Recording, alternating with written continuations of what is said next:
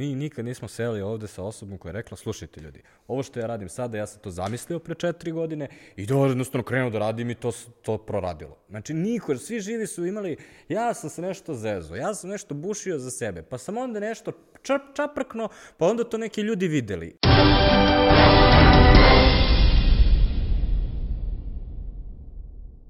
Dobrodošli nazad u Žiška podcast. Danas pričamo o pisanju CV-eva sa Vladom Popovićem koji je do sada napisao preko 1700 CV-eva za ljude u zemlji i inostranstvu. Ako mislite da znate sve o pisanju CV-evima, verujte, u narednih sati 20 sigurno ćete naći neke savete koje ste do sada propustili. Pored toga, pisanje CV-eva je odlična kreativna vežba, odnosno vežba kreativnog pisanja, tako da pored samih saveta za pisanje CV-eva često pričamo u stvari o pisanju i o kreativnosti. Poslušajte. Koliko je uopšte dobar CV bitan? Ako ja znam da radim nešto, mi treba taj CV ili će to svakako ljudi da primete? Pa pazi, ima dosta ljudi koji zagovaraju tvrdnju da je CV mrtav, zato što se pojavio LinkedIn i tako dalje i neki drugi alati. E, međutim, e, pogotovo na našim prostorima, a dobrim delom je na zapadu, e, CV je i daje neophodan nalaz za traženje posla, jer e, funkcija CV-a i LinkedIna je potpuno drugačija. Tako da uh, CV je dosta formalan dokument gde se fokusiramo na tu poziciju koju jurimo, za koju se prijavljamo i tako dalje. Sa druge strane, LinkedIn uh, predstavlja sveobuhvatnu jednu istoriju profesionalnu sa svim iskustvima, obrazovanjima, kursevima, dodatnim edukacijama i tako dalje. Tako da su svrhe potpuno drugačije. A što se tiče važnosti CV-a u samom procesu, pa ovako, uh, ako na jednu poziciju dođe u proseku 200-250 CV-eva, znači imamo oglas neka pozicija i prijavi se 250 kandidata na tu poziciju. Taj rekruter koji gleda u te CV-eve, on jednostavno nema drugu opciju kako da napravi prvu selekciju nego da pogleda CV-eve. Tako da, iako možda e, postoje neki dodatni alati, e, vrednost CV-a i važnost CV-a samog po sebi nije umanjena ja se prvi radujem, izvinjavam što te prekada, ja se prvi radujem uh, trenutku kad budemo našli neki mnogo savršeniji alat za tu inicijalnu selekciju uh, kandidata, ali još uvek je CV dosta bitan. Ako jedan rekruter dobije 250 CV-a za jedan konkurs, koji recimo mora da obradi za jedan dan, da li sam ja u pravu kada mislim da je CV u stvari medijum koji se konzumira za 3-4 sekunde? Da ono, taj prvi sken koji neko uradi je u stvari ono što je najbitnije, jer ako on dobije 250 CV-a, on ili ona dobije 250 CV-eva, on ne može da posveti tome više od minut, je li tako? Jeste. Jeste, postoje jedno istraživanje uh, koje je uh, među rekruterima koje je određeno pre par godina, uh, koje kaže da rekruteri u proseku prilikom inicijalnog pregleda te gomile CV-eva, CV gledaju 6 sekundi. Bukvalno 6 sekundi. Mm -hmm. To je rezultat istraživanja. Tako da, uh, jako je bitno da vi odmah na prvu loptu uhvati pažnju uh, rekrutera ili HR-a ili ko već prvi gleda u kompaniji uh, taj CV, što se postiže na različite načine. Znači, imamo i te grafičke CV-eve, koji, koji hvataju pažnju samim svojim dizajnom i tako dalje, međutim, ukoliko nema kontenta koji bi potvrdio tu lepotu, to je nekako kao neka prazna ljuštura, tako da jako je bitno da se kontentom uhvati pažnja e, ključnim rečima i ostalim nekim stvarima, da se gađa oglas i da se, da se uhvati pažnja rekrutera, tako da on neće staviti sigurno na gomilu ovog zovem, ali će staviti na gomilu možda. Druga gomila je odbijeni. Um, dobro, na, znači pomenuo si razliku između tih, uh, kako si ih rekao, grafičkih Jeste. grafičkih CV-eva i nešto što je više tekstualni ovaj, format. Šta savjetuješ uglavnom svojim klijentima?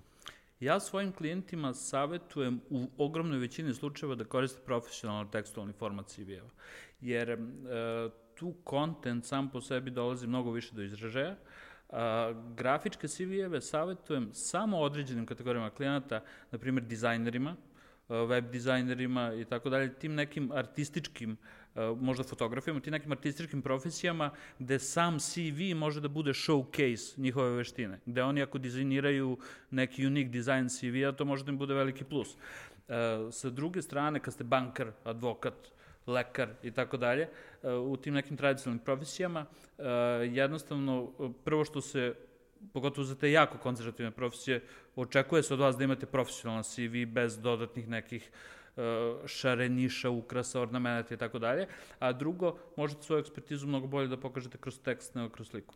Mislim da se svi ti templati u stvari takmiče koji je lepši template i daću ti primer konkretan koji se često dešava, to su one zvezdice ili uh, neki barovi kao koliko procenata imaš u, pa sad, ono, ne, obično stoji Photoshop, pa Word i tako dalje.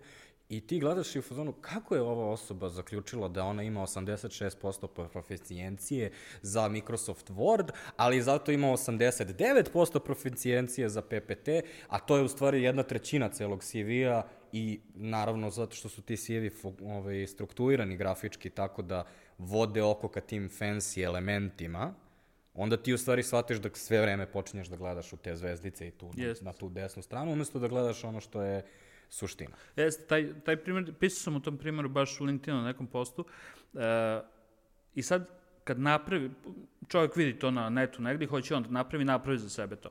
I sad što više gleda u taj CV, sve mu se više i više sviđa, jer je on jako lepo, ovako dizajnerski i tako dalje. Međutim, on to pošalje e, na neki oglas i taj neko ko pregleda svi, kaže, isto to pomisli, kako si ti mogu da izmeriš da imaš 68% e, proficiency u, u Photoshopu? I tako dalje. I to može da služi eventu, eventualno za upoređivanje međusobnog odnosa na tvom nivou, šta, da li znaš više Illustrator ili Photoshop. Ali generalno to je nebitno jer ne postoji apsolutna skala, tako? Tako da rekruteru to ne znači apsolutno ništa, jer on ne zna base koji je za, za, tu, za tu komparaciju. Tako da takve, takve neki elementi jako stvarno lepo izgledaju i hvataju pažnju, pa kao, kao što su infografice postali popularni kao infografici sami, zato što vrlo pregledno prikazuju informacije sa jedne strane, uh, isto tako i CV-evi, međutim, uh, ljudi koji pregledaju CV-eve su navikli na određenu strukturu. Tačno se zna u kom onom, to se zove F pattern, gde kako se, pre, tu su one heat maps urađene sa, sa, sa CV-evima i tačno se gleda kako pregledaju CV-eve. Znači u obliku latiničnog da, slova da, da, da usporimo, zato što ja znam na šta misliš, ali o, siguran sam da neki ljudi koji nas slušaju nisu baš pohvatali sve reči. Znači, ajde prvo da objasnimo šta je F-pattern. F-pattern je uh, obrazac po kome se kreću oči kada pregledaju neki dokument. I to uh, oči idu po linijama slova, latiničnog velikog slova F. Mm -hmm. Znači, prvo se gleda prva linija na vrhu, onda linija sa strane i onda neka linijica u sredini. Tako da to se praktično gađa na CV-u sa imenom i prezimenom, eventualno headlineom, ako neko zna da treba da stavi headline, i onda se spušta polako na prvu poziciju i e, čita ime prve pozicije. To je, to je ta prva sekunda. I to je dokazano uh, istraživanjima sa takozvanim hit mapama, gde postoje softveri i alati koji prate pokrete očiju i vide kako ljudi u stvari čitaju CV-eve. Tako da, dosta je bitna ta struktura CV-a i da se stvari nalaze na očekivanim mestima za čitaoc CV-a, za rekrutere, HR menadžere, hiring menadžere i tako dalje. I tu zaista ne treba previše eksperimentisati iz prostog razloga što makoliko lepo izgledalo, ukoliko se rekruter zbuni i ne može u sekundu, dve da nađe gde je radno iskustvo, gde je obrazovanje i tako dalje na CV-u, to je automatski red flag i to je automatski minus. Um, da li je ljudima potrebna pomoć za ovo? Što ja ne bi mogao sam? I ti između ostalog ti deliš sve savete, mogu da isgooglam. Šta, šta će, ono, kako se ti uopšte imaš posao? Pa to bih mogu ja tebe da pitam. Uh, ti imaš marketičku agenciju, Tako je. I uh, sarađuješ sa nekim firmama i pomažeš im da se predstave. Mhm. Mm Ne samo to, imam podcast u 49 epizoda koji objašnjavaju ljudima kako da budu kreativni. Između ostalog i to, da. Ali hoću da kažem, kao što marketinške agencije pomažu firmama, na primjer, da se predstave na tržištu, offline, online, bilo kako, uh, isto tako ja pomažem ljudima da predstave sebe, jer uh, vi kao in, pojedinac uh, najbitniji proizvod u toku traženja posla su te veštine, iskustva, postignuće i tako dalje, a ljudi jednostavno ne znaju da to rade, kako da kažem, in-house, kao što ni firme nemaju većina fir, firmi nema tu ekspertizu da in-house odradi marketinšku kampanju, zato angažuju marketinške agencije. I plus, pored svega toga, postoji onaj element iskustva. Znači, ako ja imam 1750 CV-eva iza sebe, ja sam sve vidio, svake moguće situacije. I da je neko bio na, mater, na, na, na porodiljskom odsustvu, i da neko tri godine nije imao posao, i da je bio u zatvoru, i da je napredovao, i da je bio otpušten, i da je demotovan. Apsolutno sve što možeš da zamisliš u profesionalnoj karijeri, ja sam na CV-evima video i znam kako da to ishendlujem, da umanjim negativne aspekte, a da pojačam pozitivne. Postoji još jedan problem koji smo identifikovali tokom ovih 49 podcasta o raznim vrstim kreativnog rada, a to je kada, kada radiš bilo šta kreativno. Ti recimo fotografišeš, pišeš, bilo šta od toga. Ne daj Bože praviš video, to je još kompleksnije. A, ti možeš da pročitaš gomilu stvari o tome i možeš da znaš neke stvari, ali bu, bukvalno čim sedneš, recimo, da praviš jednu fotografiju, dešava se 2000 implicitnih odluka koje ti napraviš.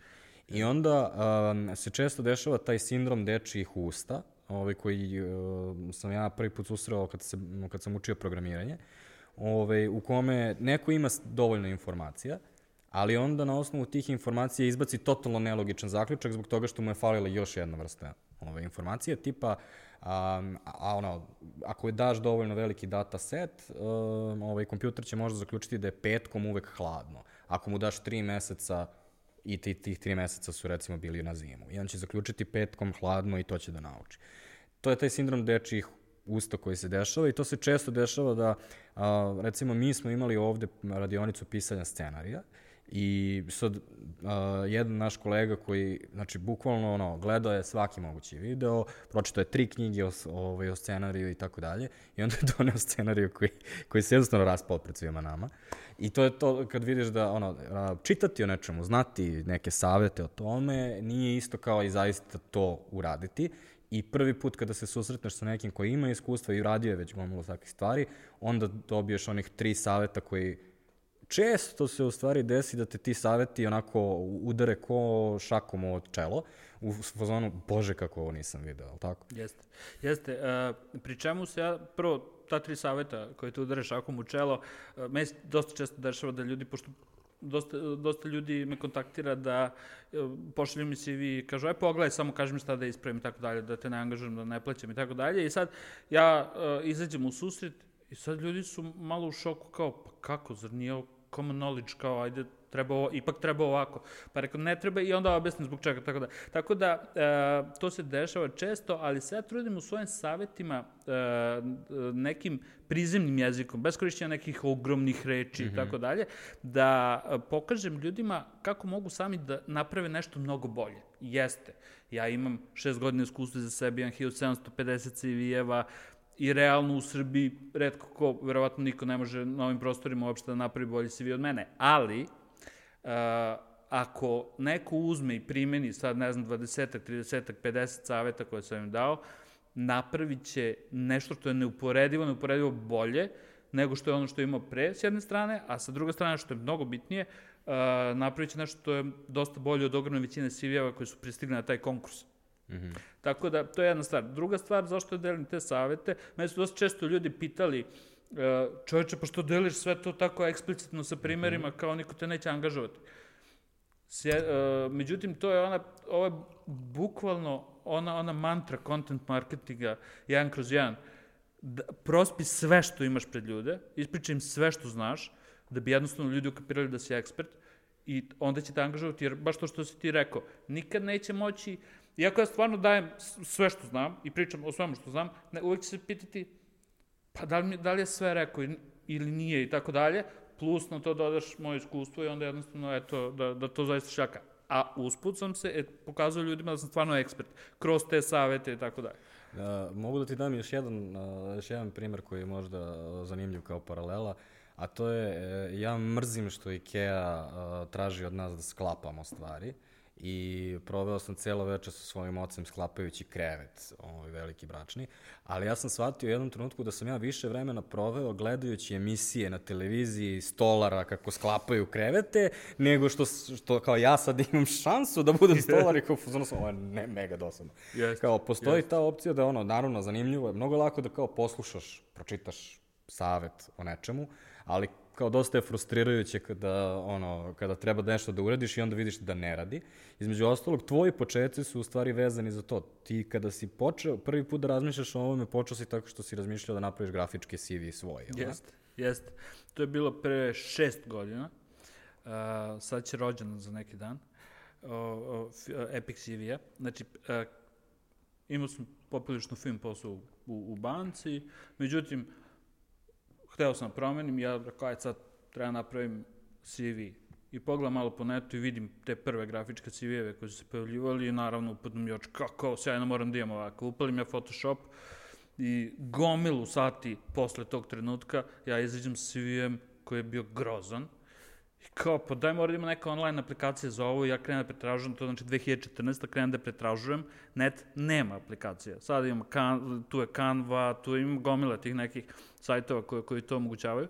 Ove, ovaj, ali ja u tom trenutku padnem na pamet, ajde ja ću da napravim tu aplikaciju. Ali samo da se razumemo, ne znam da programiram, bankar sam, ne znam ništa o, o, o CV-evima, ne znam ništa o programiranju, ni o čemu ne znam ništa, a ne dajem se gomila neki par u tom trenutku za proiz, da, da angažujem neke programere, da to odrade, zato što ne znam da će da radi to na netu, to će da se prime, tako.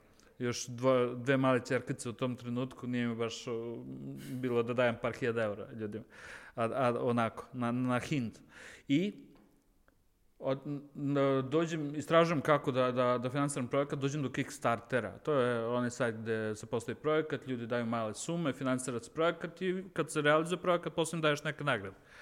I ovaj, rekao, ajde, sad ću postavim projekat na Kickstarteru, međutim, opet sam istraživao malo i kažu ljudi, po blogovima pišu na Kickstarteru niko neće ni dinara da vam da, a ako niste autoritet, niko neće na lepu ideju, dobro, na dobru ideju lepe oči da vam da par. Ja rekao, kako sada da postanem ekspert za CV-eve, i malo istražim dalje, kao ja pišem, da krenem, pišem blog o CV-evima.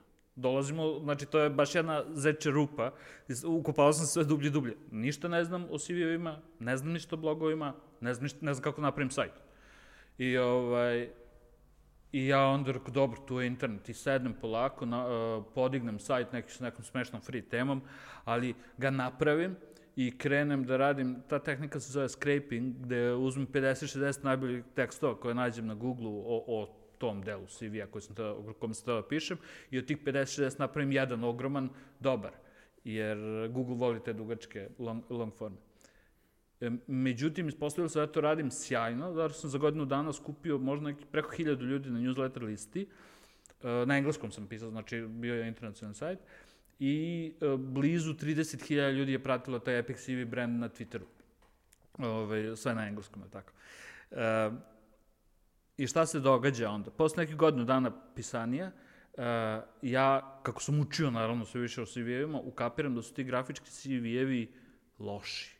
Zato što na, uh, u Americi, Kanadi i tako dalje, ogroman broj kompanija, mnogo veliki procent kompanija, tipa 99% Fortune 500 kompanija, koriste nešto se zove ATS, Applicant Tracking System. To su softveri koji parsuju CV-eve, znači ako se prijaviš online i oni prime 1200 CV-eva za jednu poziciju, oni ubacu u software, ukucaju ključne reči i onda taj, i kažu, izbaci mi 15% najboljih a ovih 85% nikad ne dođu pred ljudsko oči. E sad, te mašine, ti ATS-ovi, ne znaju čitaju grafiku. Zato su ti grafički CV-evi loši za ta zapadna tržišta, a taj ATS se koristi i kod nas u sve više i više. Tako da, ne treba forsirati, to je još jedan raz zašto ne treba forsirati grafičke CV-eve. Elem, znači ja posle godinu nešto dana ostajem bez glavne ideje, sa 30.000 ljudi na Twitteru, 1.000 ljudi na mailing listi i ljudima koji su generalno oduševljeni kako pišem i šta, o čemu pišem. I ja onda, pošto sam naučio mnogo CV-evima, uradim jednu logičnu stvar. Počnem da pišem CV-eve. Ja tako? pa, ovaj, ako mogu da izvučem um, ovaj, dve pouke ovaj, iz, iz tvoje priče. Uh, Prva pouka koju smo u stvari ustanovili, ali bukvalno u svih 49 epizoda do sada, jeste niko živ nije krenuo da se bavi onime što je na kraju završio. -hmm. U smislu, mi nikad nismo seli ovde sa osobom koja je rekla, slušajte ljudi, ovo što ja radim sada, ja sam to zamislio pre četiri godine i to jednostavno krenuo da radim i to, to proradilo. Znači, niko, svi živi su imali, ja sam se nešto zezo, ja sam nešto bušio za sebe, pa sam onda nešto čap, čaprkno, pa onda to neki ljudi videli. Znači, ono, ne postoji opcija u kojoj, aha, ja ću sad raditi ovo i kao završen. Znači, dosta je random. A sa druge strane, nešto što mi je dosta privuklo pažnju, a to je taj, um, taj deo, ti si ga nazvao skrepovanje, to je u stvari najobičnije istraživanje. Jer mislim da uh, kod nas ljudi iz nekog razloga jako često preskaču taj osnovni korak. Znači, bilo šta što želiš da uradiš, prvi korak je uvek hajde da razmislimo o tome kako je neko drugi već ovo isto uradio i da se obavestim najviše što mogu o tome. Taj deo nekako kao da nam, jako često vidim, pogotovo klince ovaj danas, koji imaju super svoju ideju i onda im ti kažeš, e, mislim, pošto kao imaš malo više iskustva i godina, kao pa ja sam vidio to, to je neko pokušao i propalo je. I onda vidiš njih koji uopšte nisu izmisli, ono, razmislili o tome da bi mogli da se obaveste da neko, aha, možda pokuša nešto slično ovako. Ja sam se to radio uh, vrlo malom spenu pažnje, kod, mm -hmm. pogotovo kod mlađih generacija, zato što je sve instant, uh, sve, sve, sve više i više instant. Uh, taj, taj raspon pažnje, sve kraće i kraće, hoćemo tu instant gratifikaciju, instant uh, da vidimo nešto na društvenim mrežama, instant komunikaciju, e-commerce, instant kupovina, instant naručbine i tako dalje. Znači, e, sve je manje i manje temeljnosti u svemu što se radi, što ima, ajde sad ne ulazimo u neku veliku filozofiju i druge socijalne aspekte svega toga, ali generalno e, kod ideje i kod tih istraživanja, pogotovo kad se pokreće biznis ili tako, Ovaj, naravno da je to istraživanje kako su drugi ljudi radili i, i kako to možeš dobro da uradiš. Mislim, e, uvek ja volim da pođem uvek od ideje da nisam najpametniji na svetu i da je to neko sigurno već probao da uradi. Ajde da vidimo da li je uradio, da li nije, ako jeste, zašto to nije zaživelo ili ako je već zaživelo je super, mega je, šta ću mu ja onda? Je tako?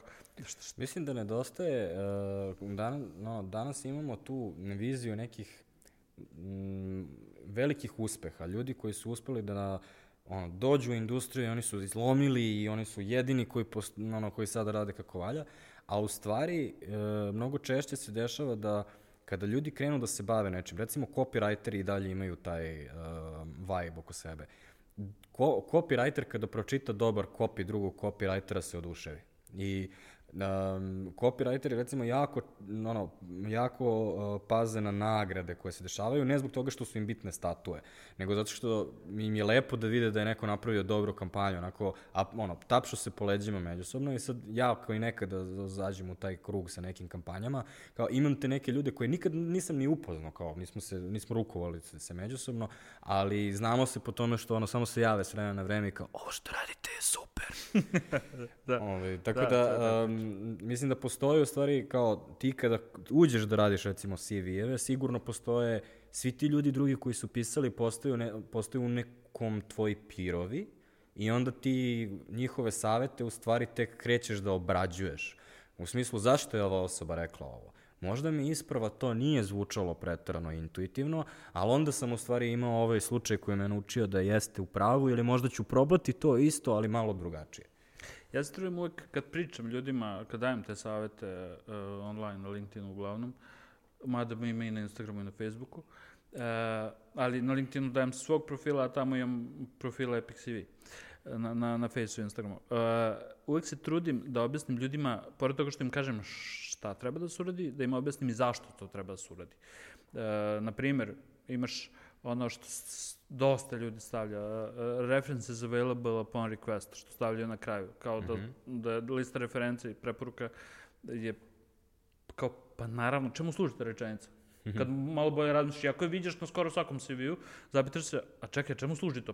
Kao, naravno, niko i ne očekuje da nemaš listu referenci ako si se prijavio za posao i ako si ozbiljan u tom nekom. Ovaj, ili, kažem, tako ti neki detalji koji na prvu loptu, zato što svi to tako rade, favorit mi je kad ljudi opisuju da su team playeri, ali spremni za individualni rad. Uh, fast learneri uh, i tako dalje, i tako dalje. Znači, to je nešto što Iden svi stavljaju. Dynamic responsible individual looking out for thinking outside the box. Baš to, baš to. Znači, ali to je nešto što je toliko opšte mesto, da jednostavno rekruter više ne gleda kad vide to samo pređu pogledom. Mislim da je to okej, okay, um, uh, pitaćete, ovako, ovaj, kada, smo, kada sam ja spremao ovaj podcast, uh, ovaj, ja sam između ostalog otvorio neki blog koji još uvek pišem i onda sam za ta svrhe tog bloga sračunao da sam u stvari tokom života pogledao 2000 CV-eva. Ali ja uglavnom gledam prve CV-eve. Ljudi koji nemaju radnog iskustva prijavljuju se za svoje prve poslove i na prakse i tako dalje.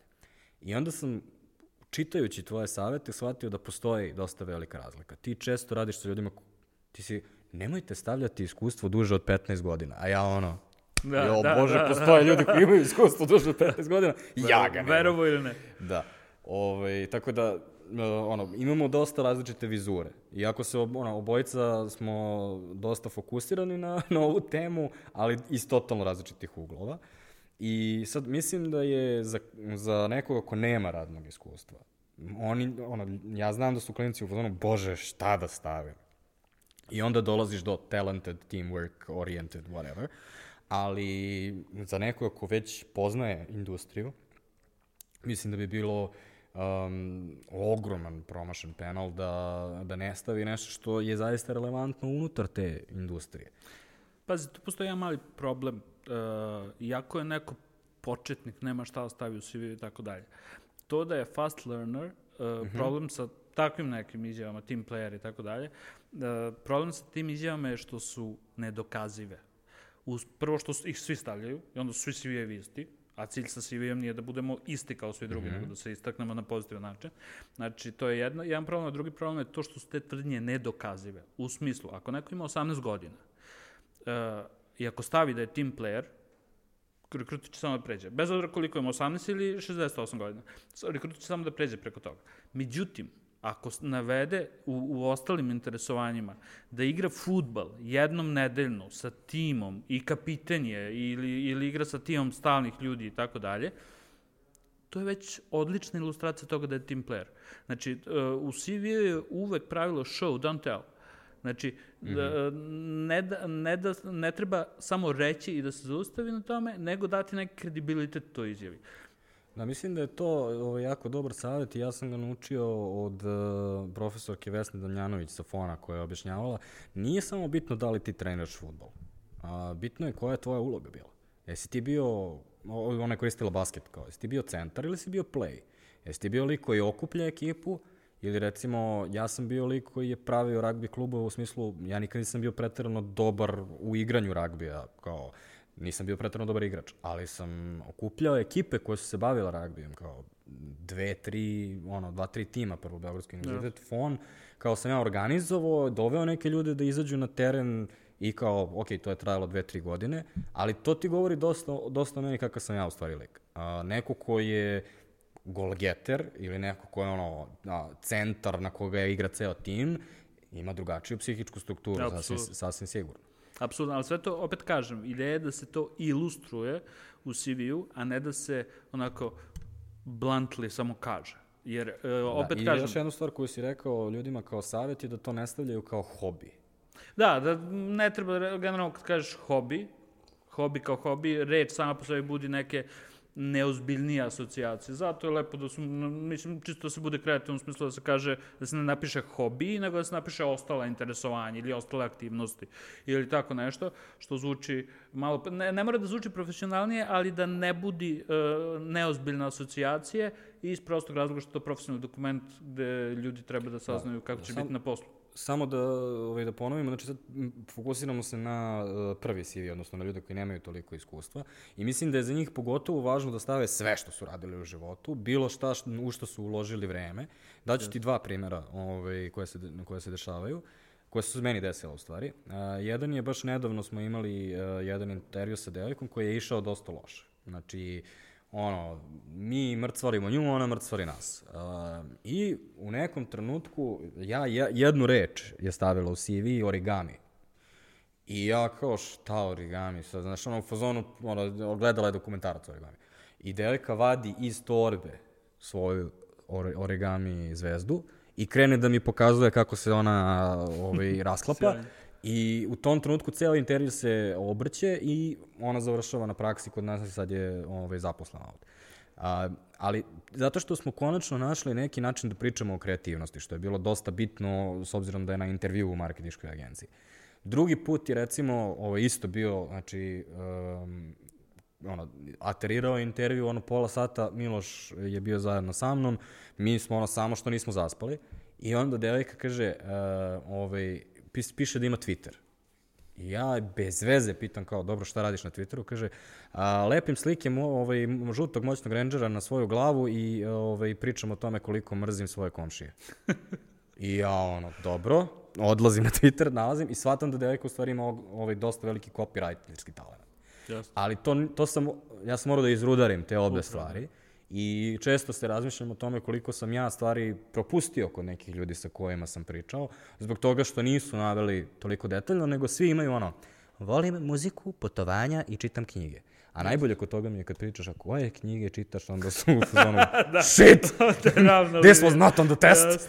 Jasno, jasno. Pa da, o, ja imam čitav jedan ogroman od tekst od 3-4 hiljada reči na engleskom duše, ali ću ga prevesti i za, i za srpski blog o hobijima i šta treba staviti, šta ne treba, na koji način i tako dalje, kako treba elaborirati upravo ta priča o, ko, o kojoj si pričao, ovaj, kako da ilustruješ, kako da hobije predstaviš, tako mm -hmm. da ilustruješ neke svoje osobine koje mogu da budu interesantne poslodavcu. Ovaj, I to je sad, mislim, vidi, e, svrha CV je samo jedna i uglavnom mi ljudi pogrešno, ne razmišljaju o tome u stvari, pa jednostavno pogrešno je sagledavaju. Svrha CV je samo jedna, da te pozovu na intervju. U trenutku kad ti kažu dođi u četvrtak u 12 na razgovor, CV možeš da bacaš. Mislim, ne, ne bukvalno, naravno, treba će ti na intervju, ali tako, ali hoću da kažem, on je svoju svrhu ispunio. U tom smislu uh, je dosta bitno na tom čovjeku koji čita i pregleda 200, 200 nek CV-eva da, da mu stvarno uhvatiš pažnju, da mu objasniš zašto si ti čovjek za to. I sad tu postoje razne neke tehnike, jer ti imaš oglase. U oglasima lju, firme navode šta im treba. Tačno. Uh -huh. I sad, ljudi uglavnom to poprilično površno gledaju, ali oglas je pravi zlatni rudnik za CV. Zato što uh, ako se lepo analizira oglas i ako se izvuku te, ti ključni requirement, ti ključni zahtevi koje poslodavac traži, ako su oni makar udaljeno povezani sa tvojim iskustvom, ti to vrlo lepo možeš da implementiraš u svoj CV i, i da istakneš na neki način. I on taj nekad gleda, kaže, aha, prva stavka ima, druga ima, treba, u, ovo je za nas, zovi ga. Znaš, tako da to je prilagođavanje CV i onda dolazimo do one teme. Nikad ne treba slati isti CV na dva različita oglasa ili na više oglasa. Jer svaki put treba ga prilagodiš specifičnim zahtevima uh, poslodavca. Mislim, to, ti je, to, to je vrlo jednostavno. Ako te, to imam, imam i posto tome. Ako te zovu na gala večeru, ti ćeš svečano se obučiš. Ako te zovu da igraš futbal, ti ćeš se obučiš sportski, ili tako? Isto tako i CV-em. Različite svrhe, različite potrebe zahtevaju različito to tvikovanje CV-a. Uh, ja nisam toliko ovaj, ubeđen, uh, mislim, siguran sam da kad imaš 15 godina radnog iskustva i radio si sve i svašta, da onda imaš mesa koje možeš da tumbaš i da, da se predstavljaš drugačije. Kada pišeš prvi CV, onda obično nemaš ti što šta pretrano da izmeniš, ali postoji nešto što možeš da uradiš, a to je propratno pismo. E sad, ja nisam ni tebe ni pitao, u stvari, koliko se ti baviš tim delom. Da, bavim se potpuno isto koliko, i, koliko je CV-e. I šta, uh, ovaj, recimo, kada si rekao lju, m, oglas za posao je uh, rudnik za CV, odnosno ja bih rekao rudnik za CV i propratno pismo, daću ti jedan primer. Uh, mi smo u stvari uradili test. Ove, ovaj, imali smo na Infostudu oglas i tamo smo pred kraj oglasa stavili ovaj, odgovorite na sledeće pitanje, obavezno, ako se prijavljujete. 25%. Ove, ne, u stvari manje. 28 ljudi je odgovorilo uopšte I sve smo ih pozvali na test. Nismo gledali uopšte CV-eve. Znači, ako je odgovorio na da, da. pitanje, izvoli test, do, ovaj, do, dođi kod nas, mm. sat i po vremena. A prijavilo se 130 i nešto ljudi, recimo. Znači, znači možeš da zamisliš ono, to je... 100 znači, ljudi nije pročitao august do kraja. Da. Upravo to. I jako često... ovaj, ima, ima još boljih. Ovaj, sad, ovaj, kao, kao neko ko stoji sa druge strane onog maila za prijavu, Ovaj, ja sam a, recipijent ovaj, nekih baš onako ovaj, fenomenalnih um, pičeva. Um, recimo, ovaj, postoje ljudi koji se predstave sve i ja onda napišem izvinite, ali znate vi da mi nismo agencija za X? I oni su u fazonu, ne, kao, ja sam mislio da ste vi agencija za event. Kao, mi nemamo event produkciju in-house. Hvala na prijavi. Ja, Druga stvar, a, što mi je jako šokantno. U stvari, mislim da, da, da ljudi imaju taj fazon da ja pošaljem na što više, pa jedan će da upali. Špageti na zidu. Da. I onda imaš dve opcije. Jedna je stiže mail ni od koga, ovaj, to jest nema tebe u tu, što znači da si ti na BCC-u, što znači da je još gomila ljudi na BCC-u i to vidiš čim kreneš da čitaš prvu rečenicu, zato što je poštovani. Ko bi se nama prijavio sa poštovani Stibre normalno? Druga varijanta je kada stave otvoreno na CC. Znači, postoji lista a, svih agencija u Beogradu i svih regrutera iz tih agencija na kojima sam na nesreću Dobro, i ja. to mi je baš malo teško povjerujem. Ja sam, jedno, ja sam jedno hteo da da, neko odgovorim svim tim ideju. drugim ljudima iz drugih Da. agencija i da budemo u fazonu, kako ste ljudi, evo još jedan nam se prijavio na ovu našu malu listu. Nevjerojatno. Nevjerojatno. Mislim, znaš, no, zapitaš da je mozak. Ovaj, ali mislim da je, da je, da ljudi iz nekog razloga, mislim kao, verujte mi, neki ljudi sede sa druge strane tih mailova. Sad, u Americi si rekao da, da, da, da postoje ti, ovaj, kako si rekao? ATS-ovi, da. ATS-ovi. Ne, postoje ljudi kao kod nas automatizuju na mnoge načine. Ali na kraju dana nek, neki homo sapiens će da pogleda vaš CV. Kao morate da pričate Jasno. sa nekim čovjekom od krvi i mesa. Generalno to dosta, uh, dosta zvuči zdravorazumski kad kažeš, kad pričamo o tome, ali masa, masa, ogromna većina ljudi to potpuno prenebregne i ne razmišlja o tome. Znači, uh, ajde da se, kad sam kandidat i prijavljam se za posao, ajde da zamislim kad taj neko s druge strane dobije moj CV ili mail ili šta god, kako će da odreaguje i zašto treba da se uhvati. Uh, ljudi, to ti je ono kao kad se upoznaš s nekim, pružiš ruku i kažeš svoje ime, i uh, sećaš se da si rekao ime i zaputniš u facu, ali, se zabor, ali zaboraviš ime. To je to. Ti se trudiš da što glasnije i bolje predstaviš sebe, da izgovoriš svoje ime, a, a, a ne razmišljaš o tome kako je to prihvaćeno sa, sa druge strane. Isto tako sa CV-evima. Ljudi uh, do, dosta malo razmišljaju o tome uh, i upravo na tome ja baziram svoj biznis. U smislu da ja sam tu da budem neki, intermed, neki medijator i da jednostavno predstavim to što ljudi rade i što znaju na način da, da bude prihvatljivo ljudima sa druge strane maila.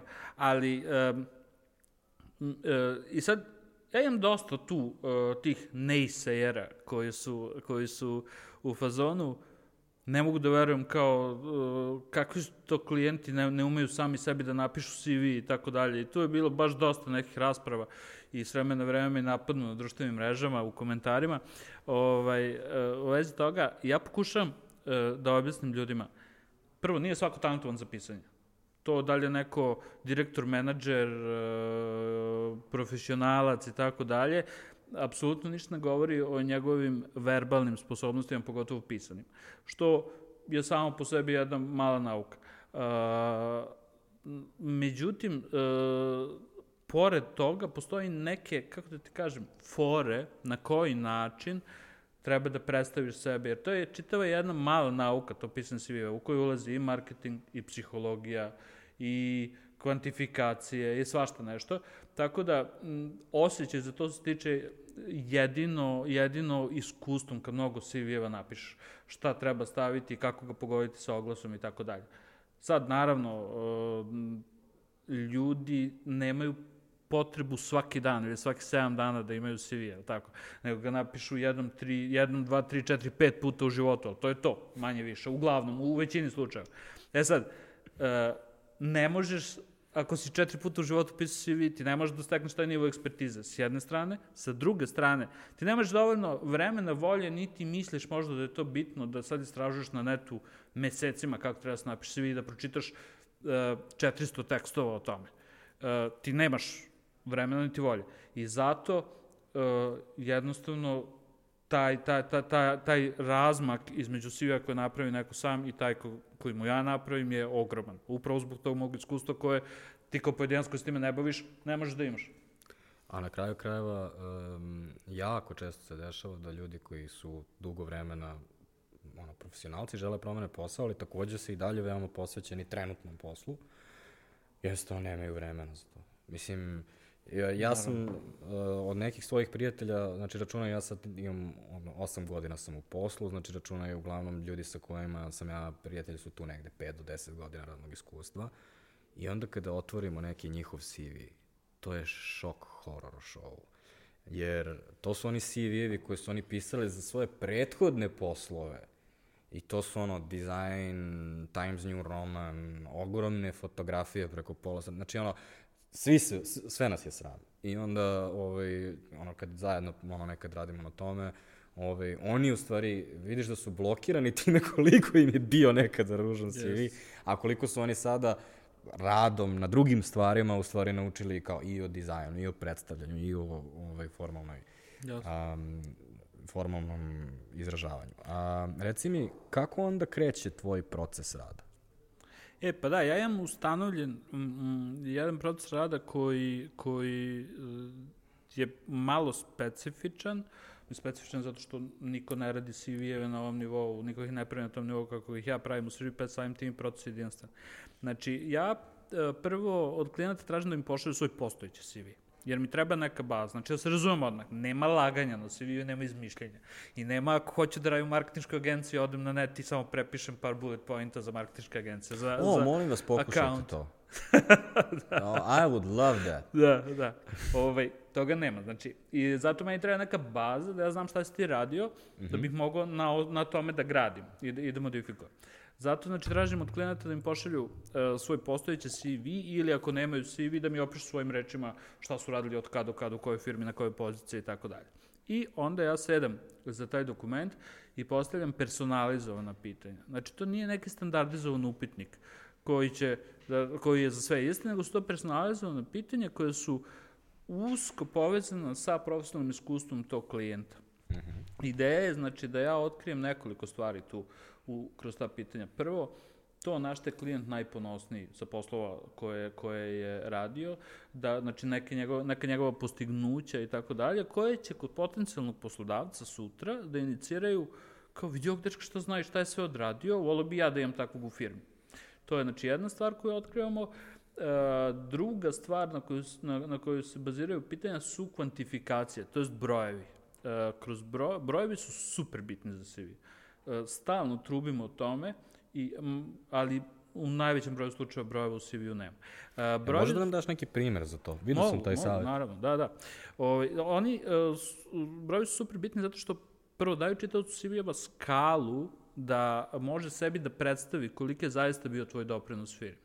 Ako kažeš, radio sam kao terenski komercijalista, bullet point, radio kao terenski komercijalista, to je jedna priča. A ako kažeš, E, kao terenski komercijalista povećao prodaju na tom i tom regionu za 13% kroz uvođenje novog procesa, ne znam koji sam izmislio, nije bitno sad da, da, da ne brainstormao, a, to daje potpuno drugačiju sliku. Znači, ti si rešio neki problem, povećao se prodaju i kažeš kako si to uradio. Znači, ti, znači ti, ti imaš skill da zamisliš proces, da abstrahuješ i da ga primeniš i to, to recimo ja pravi svu dodao, razliku. Ja bih samo dodao jednu stvar na to, a, a to je da se vratim samo da podvučem tvoj prvi savet, nemojte da lažete. Ja. A, jer a, jako često vidim ljude koji, a, e, recimo, poslušaju, videli su negde taj savet, možda i kod tebe, i onda iz, izlupetaraju. I onda nešto što ne može da se meri su oni povećali za 50%. Ja. I, I onda, mislim, pošto između ostalog postoji ono, u tekstu, ljudsko oko se lepi za, za brojeve. Zato imamo one članke sedam načina da. Naravno. I onda kada se ljudsko oko jednog regrutera zalepi na to, onda je, uvek ti dolazi to pod pitanje. Aha, stvarno 13%. Reci mi sve o tome. Jeste, pa, ali zato nema laganja. Ako si ti stvarno poveći 13%, ti onda stvarno možeš da kažeš sve o tome. Je li tako? Mm -hmm. to, to je, brojevi su, zato kažem, super bitni. Kao što kažeš, brojevi i bullet pointi, za razliku od bloka teksta, mm -hmm. uh, samo u rečima, prekidaju tekst i hvataju pažnju, zaustavljaju oko tu i samim tim uh, daju, daju, znači, oko kada čita, može bolje da se usredsredi na to. Znači, pokušamo da izvučemo postignuće i brojeve, kroz ta pitanja. Kada oni mi vrate ta pitanja, onda sedam i radim i to sklapam u jednu kompletnu novu celinu. E sad, uh, ja sam naučio, pošto sam prvih 4-5 godina radio isključivo za anglosaksonsko tržište, znači za Ameriku, Kanadu, UK, Australiju i tako dalje. U svakom slučaju, čak ako su bili klijenti iz drugih zemalja, iz celog sveta su realno bili, ali ako su bili, radili smo na engleskom. Uh, tu sam naučio i kroz ceo taj proces pisanja bloga i tako dalje, naučio sam neke fore i neke tips and tricks zanata koji se recimo kod nas mnogo, mnogo redko primenjuju. Primenjuju ih ljudi samo neko je otišao na internet i pročitao malo nešto o tome. A znače ogromnu razliku. Naprimjer, uh, ti imaš nešto zove summary, -hmm. nazovi kako hoćeš, summary profil i tako dalje. To je jedan pasuščić od 3-4 rečenice na samom početku CV. Hard working team oriented player, jel? Da, samo ne tako. da ti predstavljaš svoje glavne snage, svoje, svoje glavne, glavne, glavne dobre strane. I sad, kad neko pročita to, i ako je to lepo napisano, kratko, boldirano, tamo gde treba da bude boldirano, hvata oči, on će u, u dve sekunde da vidi da si ti taj.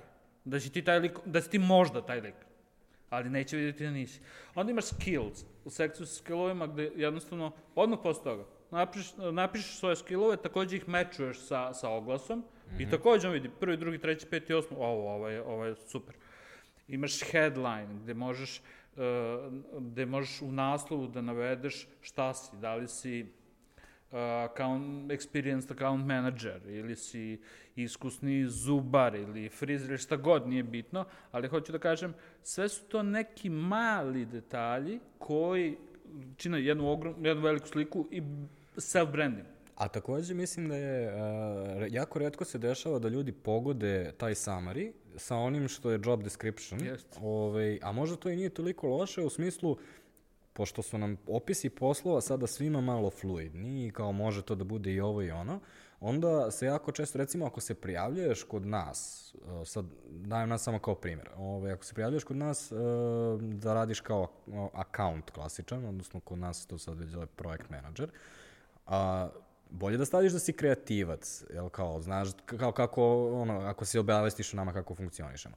E sad, svaka kompanija ima taj neki način kako se malo razlikuje. Znači, nije obavezno da poklopiš totalno job description, nego da kažeš, ja sam taj lik, ali malo izraženije sam ovo drugo. Što je ono što sam vidio da vi tražite. Jeste, baš to. Pa to, ali i to je, taj deo što sam vidio da vi tražite upravo to mečovanje sa oglasom mm. i mečovanje sa kompanijom, sa kulturom, korporativnom kulturom kompanije. Znaš ti koliko ljudi, uh, sad ovo nije CV, ali uh, znači od tih ljudi koji napišu dobar CV i ljudi koji pročitaju ceo oglas pa se pa napišu ovaj pitanje koje smo postavili u oglasu i dođu na intervju.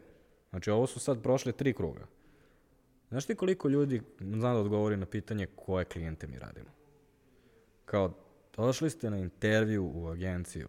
Dudes, Jasno, to se dešava često i to, to često često mi to ljudi komentarišu na, na, na, na, na LinkedInu kako imaju problem da nađu kvalitetne ljude pod jedan, a pod dva da im se događa da ljudi se ne pojave na intervju, uh, dođu i ne znaju uopšte gde su se prijavili. To mnogo češće, to... da. Zato što su ljudi, mislim, ja ne, ne razumem to kao, potrošit ćeš sat vremena, svog života. Aj, ništa ono, pa ništa, izgooglaj bi još sat vremena, vidi šta se da. dešava, majku mu. Između ostalog, pogotovo u današnje, kad, znači, kad svi rade employer branding, kao, to je sad postala usluga koju kao agencije nude, i kao, znači, ono, radi se na tome, korporacije to plaćaju, o svima možeš sve da saznaš. Jasno. Mislim, ja kad sam ovaj, u prošlom životu sam ovaj, išao u Nordus. Ja sam jednostavno pročitao blogove svih ljudi iz marketinga u Nordusu i kao, da, pročitao sam šta sve mislite o tome i kao... Kao da radiš tamo, da. znaš, malte na interno... Da. Mislim, nisam znao ko su, nisam znao da uparim njihova lica, jer kao nisu bili, ove, nisu bile slike, nego ali kao, znaš, sve, sve možeš da nađeš. Yes. I mislim da je ovaj, rekruterstvo generalno, odnosno taj proces je postao neka u, u, u, igra uzajemnog uh, stokovanja. A, naš omiljeni e, fazon jeste da kada provalimo kako se zovete i prezivate, a ovaj, da vas izgooglamo kako vam je nick na internetu i da nađemo vaš Instagram. Jer onda na Instagram, that's where the truth is, that's where the bodies are buried, što bi rekli. Kao, a kada nađeš nekom na Instagram, onda vidiš, aha, ova osoba je u stvari ovakva. I uh, za jednu osobu se to ispostavilo kao super, zato što je delovala ultra dosadno i korporativno, I onda neko je skontao da je stavio uh, opis, no, to je oni uh, URL na LinkedInu, je bio neki naziv koji je u stvari njen, njen nik sa Instagrama bio. I onda smo je našli na Instagramu i videli da je žena urnebesna u stvari, nego se jednostavno predstavila kao užasno dosadna osoba i kao napisala užasno dosta propredno pismo. Pazi, to je sad mač dve oštrice. Uh, šta raditi, šta raditi na društvenim mrežama kad se prijavljaš za posao? Tu opet treba proceniti lepo. Moj savet je, sad sve zavisi od rekruteri, sve zavisi od onog koji istražuje. Da. Znači, nekome će se svidi neko ko je super kreativan, kako kaže žurnebesan i tako dalje, neko će da traži nekog kompletnog Dusenjakovića koji malo ne, nema život osim posla i tako dalje. I s- da, da, s- da ne bi sad ulazi, i sad, i kad dajem te savete, vrlo često ne lezim na komentare, e, ja sam ovakav kakav jesam, baš me briga ako me hoće, hoće, ako me neće. I to je je fajn. ko- I to je okej, korektno. Ali uh, ja, baš da ne bi čovjek dolazio u konflikt sam sa sobom i da ne bi uopšte imao tu dilemu šta da radi, ja jednostavno preporučujem zaključite društvene mreže, ako tražite posao, niko ne može da vas nađe osim vaših prijatelja i jednostavno ste rešili problem. Ne morate pravite kompromise, ne morate čistite profile, nego ste ono što jeste, ali, ali, ste, ali jednostavno ne mogu, ne mogu da to zloupotrebe ljudi koji pre, Mislim da je pretražuju. dovoljan savjet za ljude samo da očekuju da budu stokovani. Apsolutno. Kao, apsolutno. ono, znajte da će neko da vas potraži, a, Apsolutno. ono, šta će da nađe. Mislim da su se svi sad već malo disintivizovali. Naravno da očekuješ da neko ima, ne znam, fotku u bikiniju na Instagramu, na primjer. Kao, ok, prirodna stvar, tako se ljudi ponašaju na Instagramu. Nije sad ono, šok horor, ne možeš da radiš u banci, jednom si se slikala kao u bikiniju na Instagramu. Mislim da se to, da to više čak, ono, ni u jako konzervativnim firmama nije tako ali e, postoje stvari koje su ono, kao, koje možeš da očistiš i koje u suštini, mislim da bi svi trebalo, bez obzira da li se prijavljuju za posao, da nekada pročiste svoje ono, online profile. Pa samo zdrav razum. Mm. Samo zdrav razum. Ali definitivno što se tiče, ne, ja ne bih to nazvao stokovanje, pre bih nazvao istraživanje kandidata. O, ovaj, e, ako ništa drugo, potražit ćete na LinkedInu. Mhm. I LinkedIn, tu dolazimo do LinkedIna kao jedne sjajne stvari koja može da se kao i sve drugo upotrebi za dobro i za zlo i da se koristi na pravi na pogrešan način, ali apsolutno, apsolutno preporučujem svima koji se bil, na bilo koji profesionalan način bave bilo čime, da imaju LinkedIn jer je potpuno neverovatna mreža. To vam je jedna mreža na setu gde možete da dođete do decision makera najvećih kompanija lično. Manje više, manje više lično. Ima naravno za ove top CEO-e, za internacionalne kompanije, to, to, to im vode neka PR odeljenja, te profile, ali generalno možete da dođete do šefova, do direktora i tako dalje i da pričate s njima i da ih zainteresujete ukoliko ste tu, u istoj branši. Znači, Znaš šta se nama desilo jedan put? Mislim, da ovaj, primjer koji oslikava to- što si sada rekao. Ovaj, n- sedeli smo u kancu i e, Despot i Miloš se nešto sprdaju i sad Despot je zaboravio računar. I uh, ištampao je na, na ovaj sliku računara i onda je stavio kao da radi kucka na tom pres- presavijenom parčetu papira i oni su snimili video u kome Miloš dolazi do njega, izgužva mu taj papir i baci kao i otpusti ga. I to dođe na 9gag na, na homepage i sad taj deo je e, ovaj, taj deo je manje zabavan. Ono što je više zabavno je fazon tri nedelje posle toga na uh, LinkedInu senior vice president for something something Chase banke je šerovao taj video i dobio 50.000 lajkova. I, ja- I neko mi, ne znam ko je to video i kao tegovo mene i kao izašli ste kod senior VP-a Chase Bank.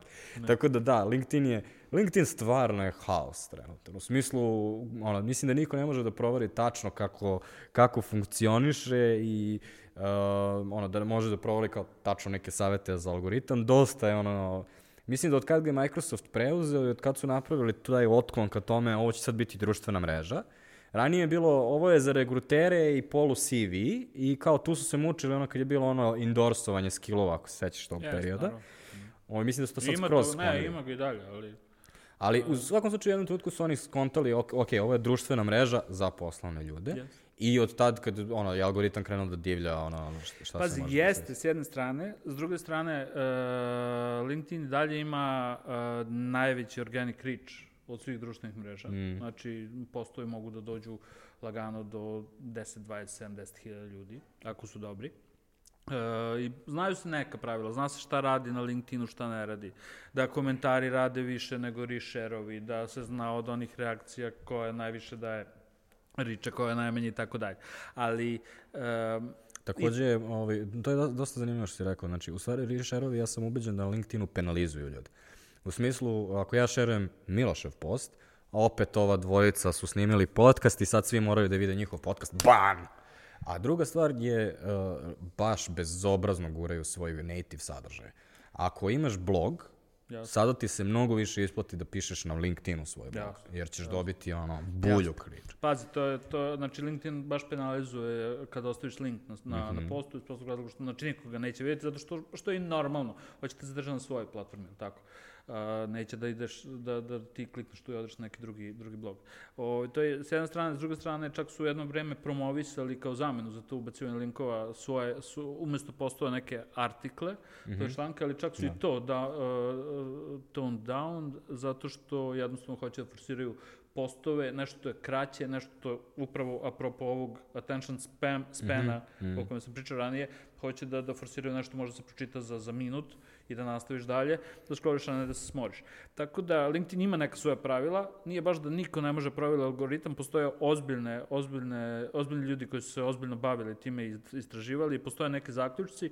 Ono što je problem sa LinkedInom je što se njihov algoritam menja dosta često. Uh, I naravno, kao i svaka društvena mreža, oni su kapirali zašto, bi ja, zašto bismo mi davali Vladi Popoviću rič od 70.000 organic, kad možemo da ga nateramo da plati da bi imao toliki, toliki rič, tako da sad naravno i oni, i oni katuju te rič i sve manje manje ljudi će e, viđati te besplatne, besplatne objave, ali o tom potom. I dalje je to na I tako će da unište platformu, ljudi će prestati da je koriste i onda ćemo na kraju da, da se pojavi neki TikTok za LinkedIn koji će da svi pređu umesto da budu kao što su sad prešli sa Instagrama na To je TikTok. sve prirodan proces. Evolucija. Priroda se obnavlja, je li Da, tako? Ovaj, ali htio sam te pitam još jednu stvar, to u stvari nije kraj tvog procesa, odnosno uh, ja sećam da imaš još jedan savjet, a savjet je pokaži prijatelju svoj CV, Jeste. je tako? Jeste, pa dobro. Naravno, to je jedna, jedna od stvari, e, to je izvedeno iz onog ne smete da imate greške u CV-u. Znači, ako imate... Odnosno, obratite pažnju na detalje. Na detalje, da. Ovaj, znači, ne možete, ne možete imate typos, ne možete da imate greške u pisanju, greške u, da pogrešite reči i tako dalje. Iz prostog razloga što kad taj neko čita vaš CV ako, i, i ako provali da imate grešku u pisanju, a, po, prvo što će padne na pamet je ako se ima neograničeno vreme da spremiš jednu ili dve strane o sebi, znači ma, pra, praktično marketinšku brošuru o sebi i o svojim veštinama i iskustvu. Ako si imao neograničeno vreme da ga spremiš i nisi mogao da ga spremiš na 100%, kako onda ja očekujem da će ti hiljade i hiljade mailova, prezentacija i svega ostalog da odradiš kod mene u firmi obraćajući pažnju na detalje. A najveća je fora to što si upravo rekao da kad neko napiše uh, detail oriented, a, a ja sam, onda... samo se razume, ja se ne šalim, ja prepričavam. Kao, ovo se desilo. Upravo tako, upravo tako. Tako A reci da, da. mi, e, šta bi bilo još te neke kardinalne greške koje ljudi prave? A, ti, ti si recimo rekao, nemojte stavljati sliku, nisam siguran da li se s time slaže. Znam da nisi siguran da li se slažeš i to je, to je nešto što uh, jeste malo, kako da kažem, kontroverzno. Ako može bilo šta bude kontroverzno u vezi CV. Uh, ja zastupam tu tezu da generalno ne treba stavljati sliku. Iz prostog razloga što kad vidimo nekog na CV-u, kad vidimo sliku, podsvesno ćemo u svakom slučaju da imamo neki bajas, neku iskrivljenu sliku. Da li će taj neko da nam svidi? Da li neće da nam svidi? Da li ćemo da budemo ravnodušni? E, Da li ćemo da ga procenimo kao sjajnog profesionalca? Da li ćemo da, da ga procenimo kao neko ko laže, ko govori istinu i tako dalje? Hoću da kažem, e, e, mi procenjujemo ljude kad ih vidimo na osnovu celog našeg pređenog života i svih naših iskustava ovde negde u malom mozgu i podsvesno. I jednostavno ne želite da slikom uh, skrećete pažnju tog nekog ko čita CV sa vaših kompetencije i time što ste se lepo uparili CV i oglas i da taj neko pogleda si, uh, sliku i da kaže, a ovo mi se baš ne sviđa. E sad, imaš dosta opozitnih mišljenja, upravo suprotnih, gde kažu ljudi, evo, ja neću, da, neću da pozovem na intervju niko kome ne vidim sliku, ili uh, slika vam može da, da vam doprinese da se predstavite profesionalno ako vam je lepa, ako vam je slika lepo urađena i tako dalje. Uh, međutim, ja opet kažem, uh, neko može pomisliti da je to veštački, na primjer, pa i to da uzme za negativno. Na čisto sad pričam, uh, ilustrujem, ali hoću da kažem, jednostavno ne treba sklanjati pažnju sa onoga što ste napisali, sa svojih kompetencija, kvalifikacija, veština, iskustava i tako dalje, time što ćete da pokažete sliku. I sad, tu se naravno nastavlja sledeće pitanje, ali čekaj, ako nema slike, a taj neko nas pretrži na LinkedInu ili nekim drugim društvenim mrežama, ili na kraju krajeva nas pozove na intervju, pa nas vidi opet, ako mu se ne sviđamo, opet će da donese istu odluku. Pa možda hoće, a možda i neće. Jer ovo je prvi, CV je prvi utisak. I ako neko kaže, čoveče, ovakav nam baš treba. Ostavi svi strane, pregleda drugi i onda posle dva sata pogleda na LinkedInu ili pozove na intervju i dalje mu se ne sviđaš ti kad, kad to on vidi uživo. Ali je spreman da to zanemari jer već ima prvi utisak da si sjajan u tome što radiš. Tako da, e, generalno savjetujem svojim klijentima da ne stavljaju sliku. Postoje neke zemlje gde je zabranjeno staviti sliku. Imaš Ameriku, mm -hmm. Kanadu, uh, i tako dalje, gde jednostavno ne smeš staviti sliku, rekruteri bukvalno kad vide CV sa slikom zgužu ga i bace, zato što ne žele da se izlažu riziku da uh, ih neko optuži da diskriminišu ljude. To su malo ekstremni primjeri, ekstremni, ekstremne Nisu pravila. ekstremni, veoma su, ali- veoma su prisutni jeli, e, na zapadu, zato što je rasizam ogroman problem, a neko ko je crn ne može da sakrije na svojoj slici da je crn. Između. Um, ono što je kontra problem koji se dešava u Srbiji, um, kod nas redko se dešava da ljudi uh, ne stave sliku. I onda skrećeš pažnju na sebe i nekako podižeš očekivanja od tog teksta koji sad je ostao. Uh, I recimo za mene, uh, kada nedostaje slika i vidim da je font nabacan i vidim da je taj sli, ono, CV izgužvan, ja znam da ti nisi mogao da slikaš bolju sliku i onda praktično taj CV pada u mojim očima. Sa druge strane, ovaj, ja, ono, ja znam koliko, um, recimo i Malcolm Gladwell dosta često piše o tome. I postoje gomila tih istraživanja koliko postoji tih pristrasnosti i predrasuda u regrutovanju. Ja baš ne verujem u to, upravo zbog svih tih slučajeva kada se desilo, tipa ono, postoji, e, regruteri u, odluče u prvih 10 sekundi, možda si čuo za, za to. Ja znam da to nije tačno, jer se meni, meni se sigurno dešavalo, sam ja imao intervjue gde je pola sata, 45 minuta išlo katastrofa i da smo izašli i zaposlili tu osobu.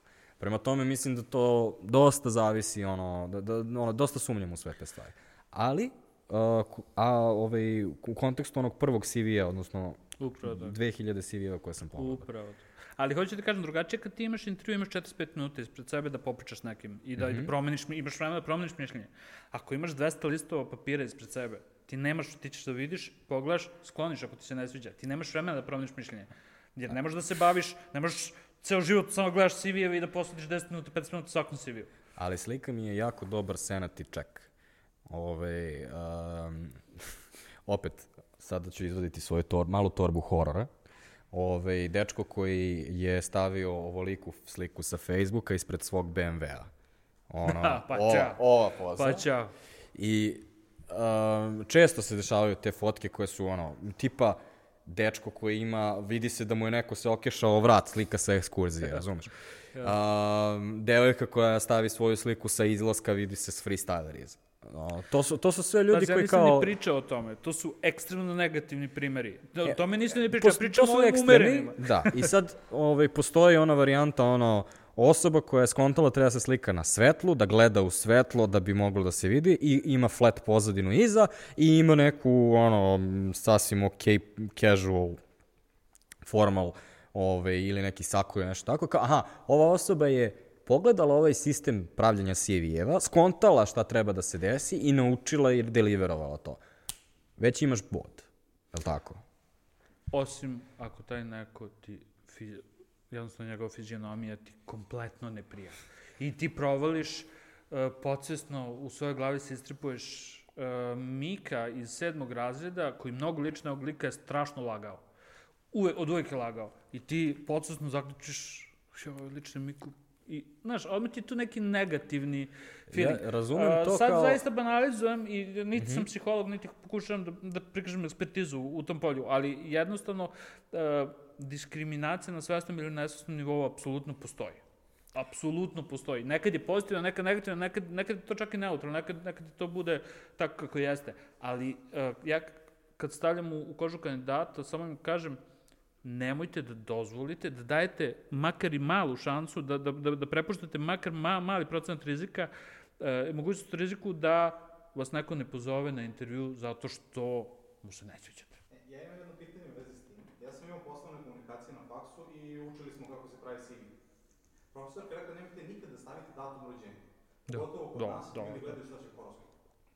Jeste, ali pazi sad ovo, to je super pitanje, to je odlično pitanje. Ne, stvarno jeste. Zato što tu, tu su me isto isekli, kad sam rekao, kad sam napisao ljudima, nemojte, ostavljate datum rođenja na CV. Kao, pa zašto? Neko će pomisliti da si prestar za, za taj posao. Neko će pomisliti da si premlad za taj posao. Neko će da donese ko zna kakav zaključak na osnovu tog datuma A rođenja. i šta je dobro oko toga? Šta mogu dobro da zaključim iz tvog datuma rođenja? Kao, kako, kako može da ti služi?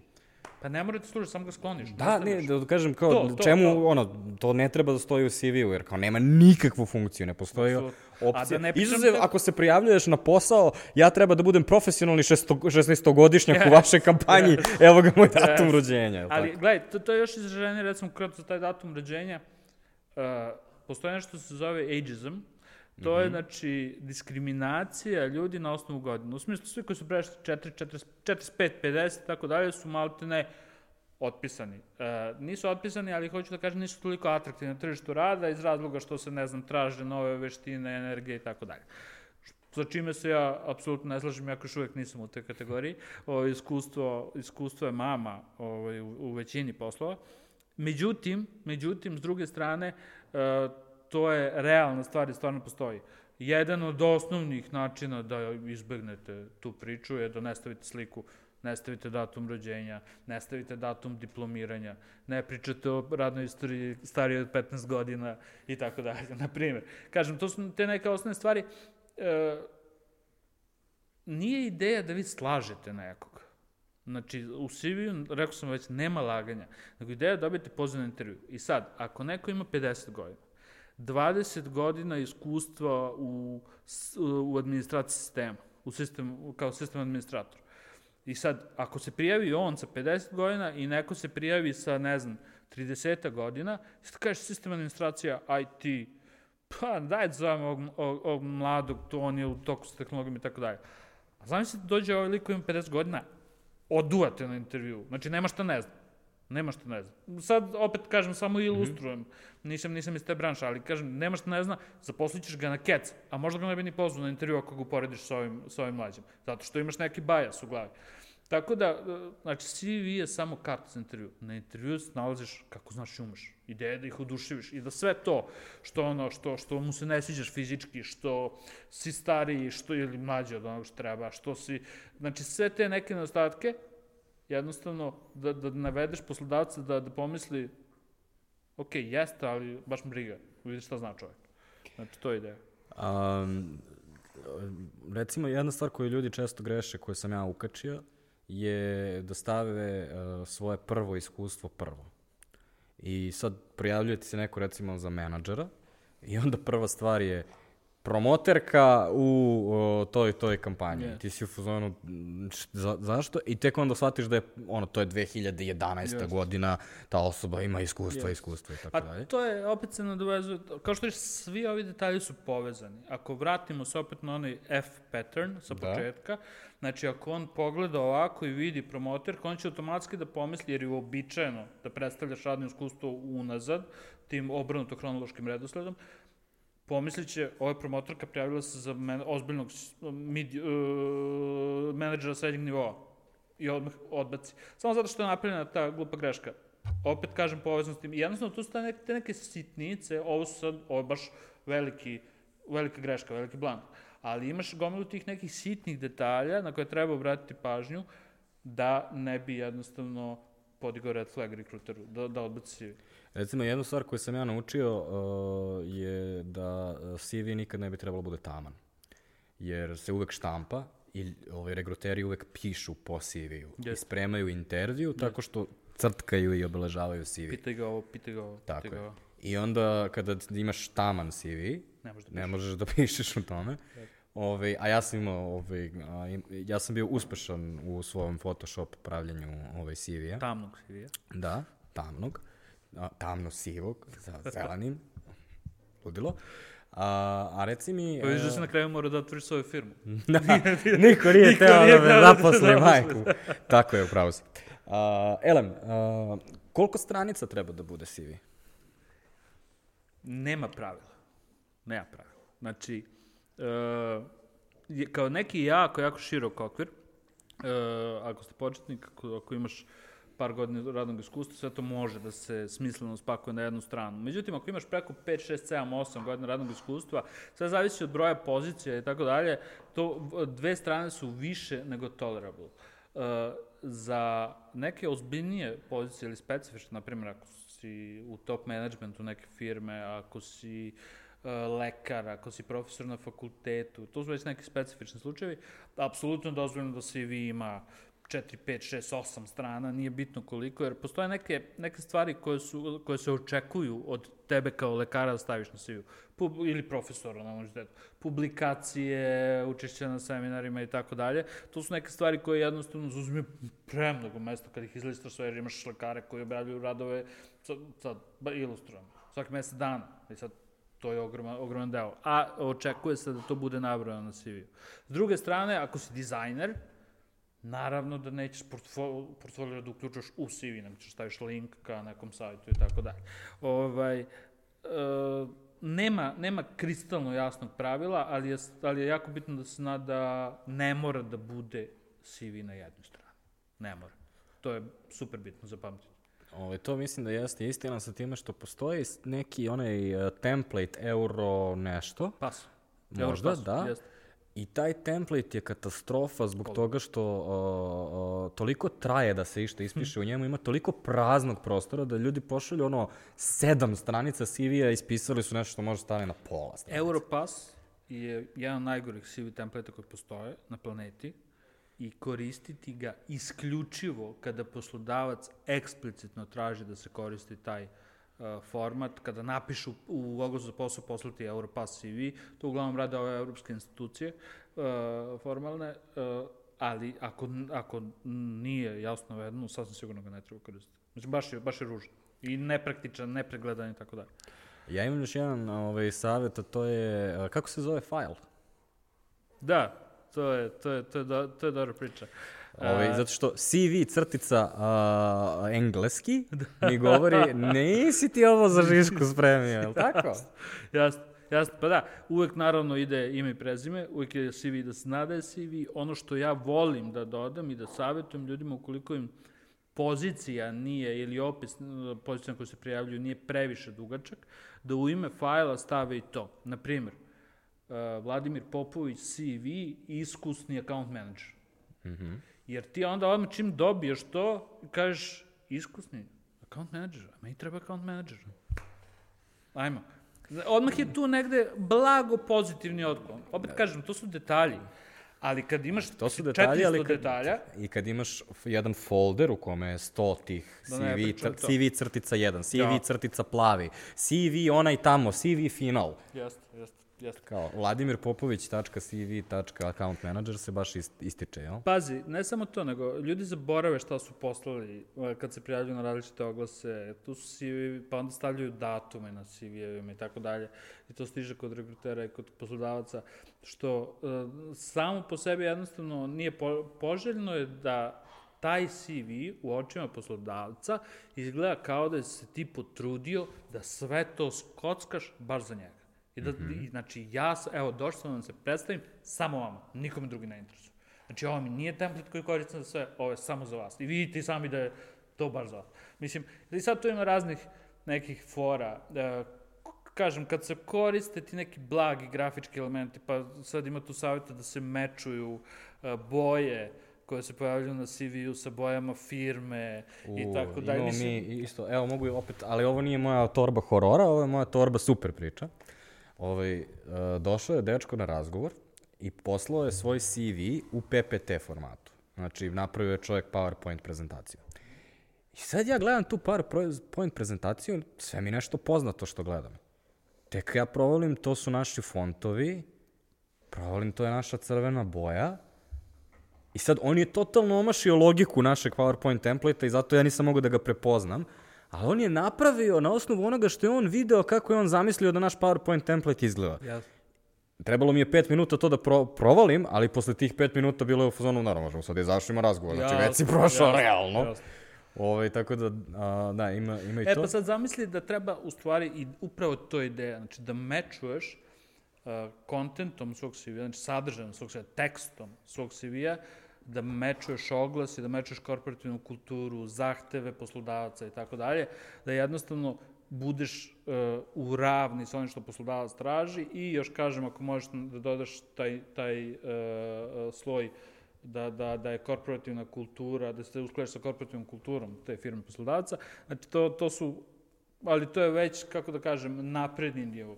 To je nešto što zaista redko gde može da se pročita i da se nauči i tako dalje. Kada ljudi krenu da pišu CV, onda se i sete da, ono, da, da, da izguglaju i nađu neke savete, snađu se. Međutim, kada dođe do propratnog pisma, tu je onako sivilo posle gojka. U smislu, čak i ja sam googlao savete, takođe sam, ono, pišem blog i za propratno pismo, i onda sam googlao savete i, bože, dragi, ono, to je, to je daleko lošije. U smislu, ljudi mnogo manje kontaju šta treba da pišu u propratnom da. pismu. Da, pazi, to je no, normalno da ima mnogo manje savjeta, prosto kao što su, je cover letter sam po sebi u tom motivacijom, tom motivacijom pismu, samo po sebi se ređe čita. Po nekim istraživanjima oko 30-35% uh, čitao CV-a čita i motivacijono pismo. Međutim, tih 35% su više nego dovoljno razlog, jer mi ne znamo koji su te 35%. Ovaj, tih 35% su više nego dovoljan razlog da se napravi motivacijono pismo. E, I ono je e, manje formalan dokument od CV-a. E, može da se priča i o nekim e, soft skillovima, nekim težnjama, kao što mu kaže ime, motivacijono pismo, motivacijama, zašto, jednostavno ideja je da objasniš zašto ti želiš da radiš tu i tu.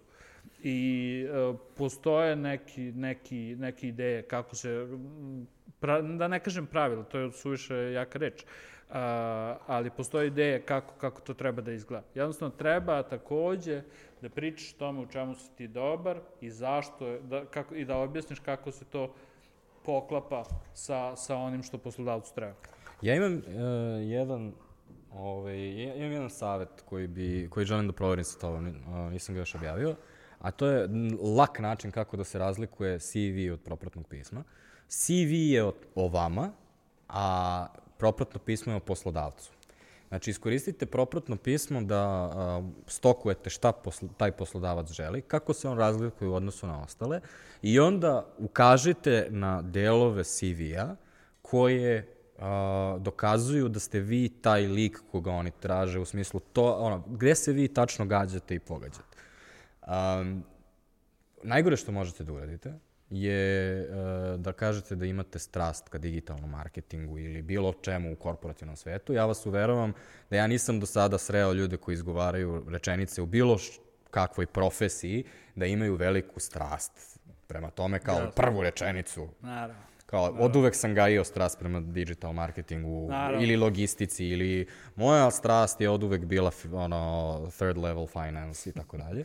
Ove, ovaj, ali kao svaka kompanija želi da se na neki način razlikuje. Ma naravno. Ja samo hoću, samo oko jedne stvari se ne bi složio s tom. Kad kažeš CV je o vama, cover letter je o, o poslodavcu. Ja bih rekao da je CV o poslodavcu. E, to dosta ljudi takođe greši e, na tom uvodnom delu koji sam ja nazvao siže ili možemo ga nazvati profil na engleskom summary i tako dalje. E, dosta često uh, viđam da ljudi pišu kako oni žele da, u, da budu u sredini u kojoj mogu da nauče, napreduju u tome i tako dalje i objašnjavaju svoje želje i ciljeve. Uh, kada, bitno da znamo, kad poslodavac vidi CV prvi put, njemu nije na pameti šta ti želiš, on ne zna ko su ti. Znači, ima, ti si isti kao i onih 200 drugih na, na, na gomili. Znači, ne treba da pričaš šta ti želiš, jer ta motivacija, to je nešto što ostaviš za intervju i da mu objasniš uh, zašto, kako i šta želiš i na koji način želiš to da, da postaneš u ovoj firmi. Ovde je bitno da na prvu kupiš poslodavca tako što će mu objasniti šta ti možeš da doneš kompaniji. What's in it for me? Pita se poslodavac. Znači, gleda šta ja mogu da dobijem od ovog kandidata. Niko ne razmišlja na prvu loptu, opet kažem, jer ih ima 200, tu 200 CV-eva, niko, niko od poslodavaca ne razmišlja kako bi ja mogao da pomognem baš ovom čovjeku, a ne znam da li ću ga zaposliti, tako. Ovo, ovaj, tako da to je jedno, to se zove na engleskom objective versus summary. Objective je taj cilj, kad neko piše o ciljevima i golovima, a ovo je summary je kad pričamo o tome šta možemo da doprinesemo. Taj objective se koristio dosta često 80-ih, 90-ih, e, prošlog veka, ali odavno se, se tretira kao zastarjen način izražavanja jedini, jedini uh, slučaj gde je uh, ponekad opravdano da se vrlo mali deo tog samerija iskoristi kao za objašnjavanje svojih ciljeva i golova je kad pričamo o jako mladim ljudima koji nemaju iskustva i koji zaista treba, tek treba da se razvijaju. I tu je ponekad u određenim situacijama dozvoljeno da se, da, se, da se priča o svojim ciljevima. A e, pošto radiš i za strano i za domaće tržište, šta je razlika između klijenata na polju i klijenata ovde? Pa razlika, razlika je prvo u čuđenju. Uh, ovde se ljudi čude što ovo radim, jer generalno ovo kao profesija nije, nije jer nešto potpuno novo za, za ove naše prostore, da se neko na, na, na ovom nivou bavi time. Uh, dok je to već uh, jako utemeljena praksa, jako, jako dugi niz godina na, na zapadu. U Americi recimo imate ta sertifikaciona tela koje sertifikuju profesionalne pisce CV-eva, uh, što im daje određeni kredibilitet i tako dalje. Ove, tako da o, to, to je prvi taj utisak ka, kada, kada, pričamo, kada pričam s klijentima, a sad to posle povlači neke i, i mnogo druge, st, st, mnoge druge stvari, e, jer ta kultura pisanja CV-eva i kultura CV-eva sama po sebi je na zapadu već donekle razvijena. Imate gomilu blogova, članaka i tako dalje i tih sertifikovanih pisaca i stručnjaka za karijeru koji objavljuju o tome i dosta često se to nalazi pred očima ljudi i onda jednostavno se zna kako otprilike treba da izgleda CV. Ovde je sa druge strane to mnogo veća nepoznanica, ja to pokušavam da promenim ovaj, a, svojim skromnim naporima, ali to je dosta veća nepoznanica i onda mnogo češće moram da objašnjavam klijentima zašto nešto radimo, zašto stavljamo baš brojeve u CV, zašto rečenica uvek počinje glagolom, zašto i tako dalje. Mislim, opet kažem, to su neke sitnice koje kad, kad se 200 sitnica skupi na jedno mesto, on daje jednu ozbiljnu sliku. Naprimer, nikad nećemo pišemo u, u, pas, u pasivu rečenicu u CV-u. Iz prostog, nego, nego u aktivnom modu. Iz prostog, uh, uh, iz prostog razloga što to ode potpuno drugačiji utisak. Potpuno drugačiji utisak je rečenica napisana u pasivu, i potpuno drugačiji utisak je rečenica napisana u aktivu. U, u aktivu. E, ideja je da se predstavimo kao neko ko je energičan, dinamičan, aktivan i tako dalje, a ne neko kome se stvari događaju. Mislim da postoji takođe, pošto tehnički to što čime se ti baviš je pisanje, znači kreativna, ovaj, kreativni rad. Mislim da na zapadu postoji razvijena kultura kreativnog rada, već du, du, više generacija. Da kod nas svako pretpostavlja, pa umem ja, ja znam sva slova, mogu i ja da pišem, I onda su ljudi, osjećaju se daleko pozvaniji da prčkaju po tuđem radu, po nečemu što je neko razmislio i postoji razlog zašto je uradio nešto, ali kao, ja mislim drugačije. A, kada nekako postoji, kada radiš sa strancima, postoji mnogo više te autonomije koja u suštini se crpi iz dva razloga. Jedan je, to je tvoj posao, ti znaš šta radiš. Jeste. A druga stvar je, ti si plaćen za to. Zašto bi ja sada pokušavao da prčkam i stvarao sebi dodatni posao kada je, Jeste, ono, jeste. kada smo Potpuno platili tebe da se time baviš. Potpuno si pravo. Uh, reci ljudima uh, kojima, ins, kojih je inspirisao ovaj podcast, uh, koji će sada da odu da naprave svoj CV i onda će da failaju. Ovaj, mislim, neće svi naravno, ali uh, oni koji će, koji, su, koji će želeti još nešto, kao kako mogu da dođu do tebe ovaj, i šta rade posle ovog podcasta. Pazi, ja uh, ono što mogu da pomognem, meni ideja, znači zaista, iskreno, i to znaju svi ljudi koji me prate na LinkedInu, meni je uh, glavna ideja da pomognem što većem broju ljudi i da jednostavno naučim ljude, da im pokažem kako da se što bolje predstave. Uh, baš da ne bi failovali zbog nekih sitnica i gluposti samo zato što nemaju tehničkog znanja. Tako da, uh, ja na LinkedInu dosta često objavljujem na svom profilu uh, te savete za CV-eve. Takođe ima Epic CV kao firma, ima svoje naloge na Facebooku i na Instagramu, ali apsolutno pozivam sve ljude, znači moji kontakti su dostupni svuda po netu i kažem Instagram, Facebook, I bit LinkedIn će i u, tako u dalje. linku ove I bit će u linku ovde, jel te? Ovaj, slobodno neka mi se obrate, da bit će mi zadovoljstvo da pomognem. E, ja imam tu praksu da svakome kome zamoli da mu uradim review, da mu pregledam CV, da mu kažem šta je mogao popra- da popravi, ja to radim stvarno besplatno, i volim, jer kažem, volim da pomažem ljudima. Tu je jedini problem vreme, jer se vrlo često desi da budem baš zatrpan. I tim zahtevima plus plaćenim poručbinama i tako dalje, koji zahtevaju mnogo više vremena, pa se onda tu neka čeka nedelju, dve, tri, pet, da, dok ja to odradim, ali generalno svima, svima to radim, jer razlog je prost. Želim da pomognem ljudima. I znam da ne postoji kod nas ta kultura da nekome platite da vam napravi CV i možda se neko osjeća neprijatno, nepozvano, nema novca i tako dalje. Iz razno raznih razloga ne može ili ne želi to da uradi, ali to ga ne diskvalifikuje u mojim očima da ne treba da ima dobar CV. Tako da javite se ljudi. A, ono što će sigurno ljudi raditi je takođe će pisati u komentarima na YouTube-u ispod ovog videa, što mislim da po prvi put uh, ću morati da ih savjetujem da to ne rade, jer uh, dosta je, ono, YouTube komentar je dosta loš način da kao diskutuješ o nekim kao stvarima, jer ne može, mislim da ne može ni slika da se prikači na, na Ne njega, možeš, tako ne. da ne, ne možeš baš da razviješ konverzaciju nešto pretarano. Ove, ali u svakom slučaju ove, mi smo svakako u komentarima ako imate neka još pitanja, a ovaj, pozvaćemo i Vladu da se uključi ako, ako ih bude bilo. Poslaćemo ti link kad bude Please do. bilo obla, ovaj, objavljeno. Hvala ti puno na razgovoru. Hvala tebi. Hvala što ste me zvali i nadam se da je početak samo CV-a u Srbiji. I kraj podcasta. Inače, I nadam se da je kraj, realno. Ovaj, sada, si, sada si učestvovao sa nama u, u ovoj pokaznoj vežbi da ne postoji dobar način da se završi podcast. Još uvek tražimo neki način, onako, uvek se smandrlja, nekako se sapletemo u kraj i kao, ono, zato što podcast, ono, i deluje kao da može da traje do veka. Pa realno. Da, i onda... Kako se završava CV, kako da... E, ono, razmišljaš uvek u početku, ali kao u kom trenutku staneš sa pisanjem CV, gde je kraj CV? Pa, kad nema šta više da kažeš. Tako. Hvala, Stefan. Hvala ljudi.